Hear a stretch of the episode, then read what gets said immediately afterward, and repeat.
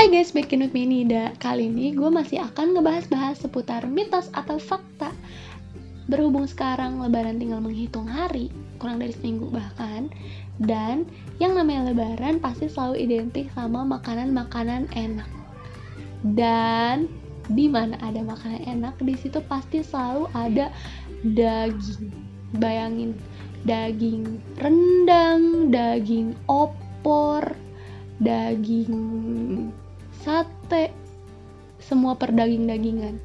So, hari ini gue mau bahas mitos-mitos dan fakta-fakta seputar daging-daging. Kalian pasti sering dengar beberapa informasi-informasi yang masih sering kepikiran. Bener gak sih? Bener gak sih? Ya kan? Daripada bingung-bingung, langsung aja dengerin aku. Mitos atau fakta yang pertama. Daging sapi lebih menyehatkan daripada daging kambing pet, mitos. Faktanya, daging kambing justru yang lebih menyehatkan dibanding daging sapi. Kenapa? Karena daging kambing lebih banyak mengandung asam lemak tak jenuh daripada daging sapi. Nah, lemak tak jenuh ini lebih bermanfaat untuk kesehatan kita dibanding lemak jenuh. Kandungan lemak jenuh di daging kambing itu 8,5 kali lebih rendah daripada daging sapi. Jadi, bayangin dong sejauh apa itu 8,5 kali kandungan lemak jenuh di kambing kan lebih rendah tuh daripada daging sapi. Jadi fakta yang betul adalah daging kambing lebih menyehatkan dibanding daging sapi. Jadi kalian gak usah worry ketika mau makan daging kambing ngerasa aduh nggak sehat nih daging udahlah daging sapi aja. Salah guys salah. Justru daging kambing lebih sehat daripada daging sapi. Mitos yang kedua yakni daging kambing bisa menyebabkan darah tinggi. Ternyata itu hanyalah mitos, saudara-saudara mitos. Karena menurut Ardi Brian Lizuardi, Master of Science in Nutrition and Health, Wageningen University Belanda, dia mengatakan kalau itu tuh mitos. Kenapa mitos? Karena daging kambing itu nggak ada bedanya sama daging-daging lainnya sebetulnya. Nah, kenapa sama ini daging kambing dikaitkan sama kolesterol dan darah tinggi? Itu sebenarnya lebih karena ke proses masaknya aja. Karena kan selama ini kalau misalnya kita masak daging kambing, itu pasti uh, selalu ada santan-santannya atau garam-garamnya atau manis-manisnya. Nah, itu yang justru bikin kolesterol atau darah tinggi kita tuh naik dari bumbu-bumbunya sebetulnya bukan dari dagingnya gitu. Nah, kalau misalnya kita masak daging, pasti kan kayak kita tuh sering manasin berkali-kali. Nah, proses pemanasan berkali-kali itu yang berbahaya untuk kesehatan yang bisa memicu kolesterol. Seperti itu, saudara-saudara. Selanjutnya, jika tidak dimasak sampai matang, daging sapi berbahaya untuk kesehatan. Itu mitos. Kenapa demikian?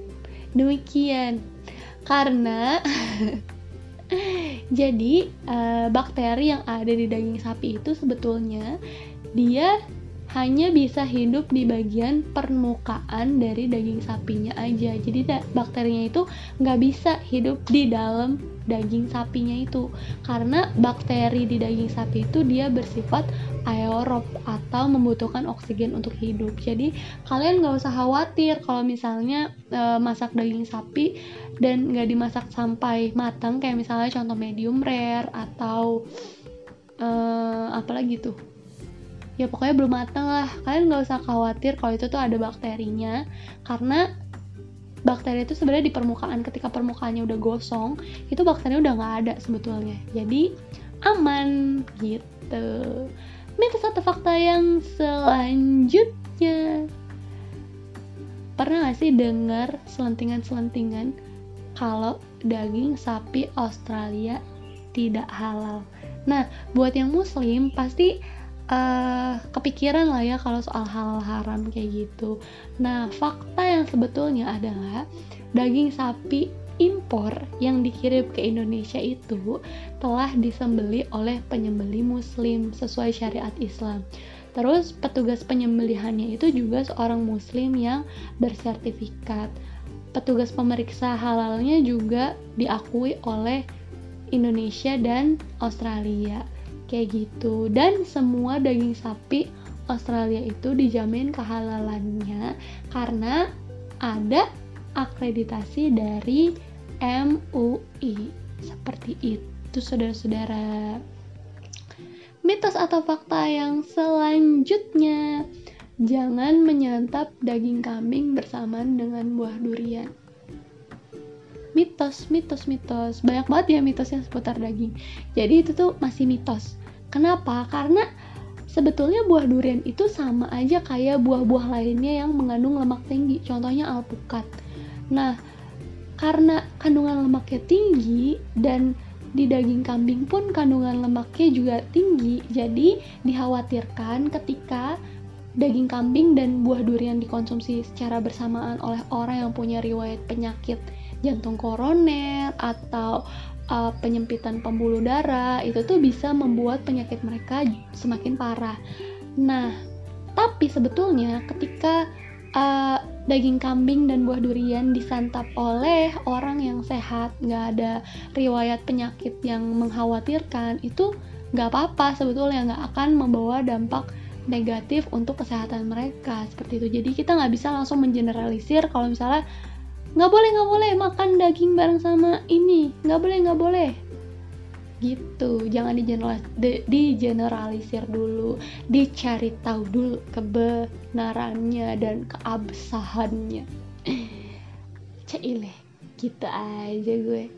Selanjutnya banyak saya banyak. Ini tuh podcast gue kali ini sangat berfaedah berilmu daging ayam banyak menggunakan hormon. Nah, siapa tuh yang sering dengar kayak gitu? Pasti sering banget. Gue juga sering dengar kayak gitu. Kayak banyak yang uh, banyak yang bilang kayak, duh anak kota tuh badannya gede-gede karena kebanyakan makan daging ayam yang disuntik hormon.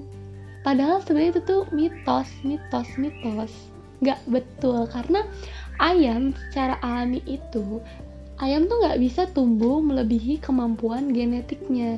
Jadi ayam tuh sebetulnya nggak bisa berkembang melebihi berat standarnya walaupun dikasih hormon. Nah, hormon sendiri itu tuh sebetulnya obat yang mahal. Jadi ketika ada peternakan ayam yang mereka tuh produksi ribuan ayam, terus mereka suntikin hormon satu-satu, itu tuh akan membuat beban keuangan mereka semakin menjulang tinggi. Seperti itu. Jadi uh, merugikan petani sama perusahaan sendiri juga sebenarnya ketika disuntik hormon.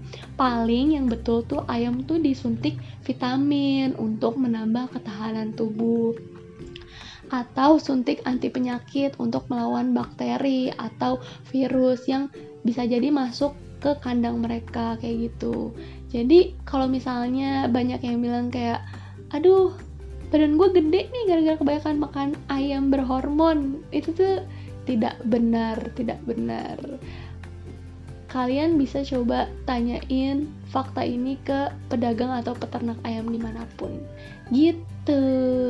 Nah dari tadi kan udah mitos-mitos terus nih ya. Kalau misalnya kayak kita pikir-pikir kayak belum ada fakta-faktanya deh. Iya juga baru mitos-mitos. Nah sekarang masuk ke fakta menarik seputar daging. Daging sapi. Gue kenapa? Fakta menarik seputar daging sapi. Jadi, daging sapi itu bisa mencegah anemia, guys. Tahu kan anemia? Anemia tuh kayak kekurangan sel darah merah itu loh yang yang gampang pusing, yang lemes gitu. Jadi, daging sapi itu bisa membantu kita untuk mencegah anemia. Kenapa? Karena di dalam daging sapi terdapat zat besi yang bisa membantu kita menghindari anemia.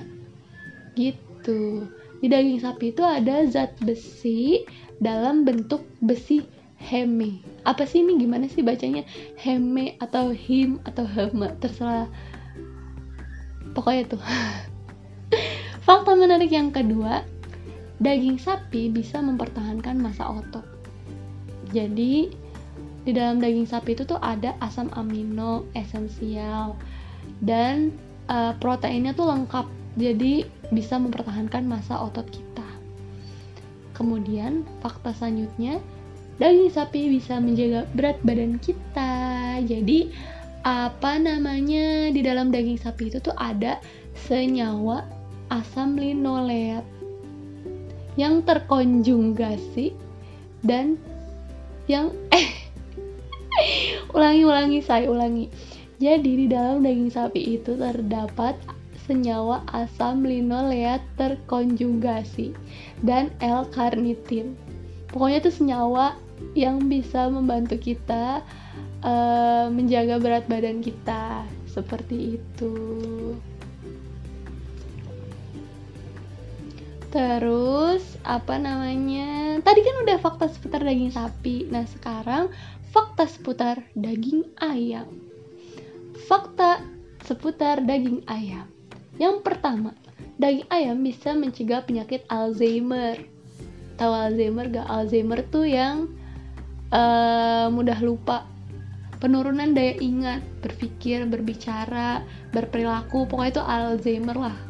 Dan daging ayam itu bisa membantu kita untuk mencegah penyakit Alzheimer. Jadi banyakin lah makan daging ayam banyak-banyak lah biar nggak lupa gitu. Yang kedua, daging ayam juga bisa membantu kita untuk merawat kesehatan tulang. Karena di daging ayam terdapat kandungan mineral, seperti fosfor, kalsium, pokoknya banyak mineral-mineral yang bisa ngebantu kita untuk merawat kesehatan tulang. Seperti itu, saudara-saudara. Jadi, kalian sekarang tidak perlu uh, banyak khawatir lagi soal daging-dagingan lah. Misalnya kayak pengen makan daging ini ah, tapi gini, tapi gini gitu jangan khawatir karena sudah gue kupas tuntas seputar mitos-mitos dan fakta-fakta menarik yang berkaitan dengan daging-dagingan. Oke, okay? so nanti lebaran makan daging yang banyak ya. Dadah, have a nice day semuanya.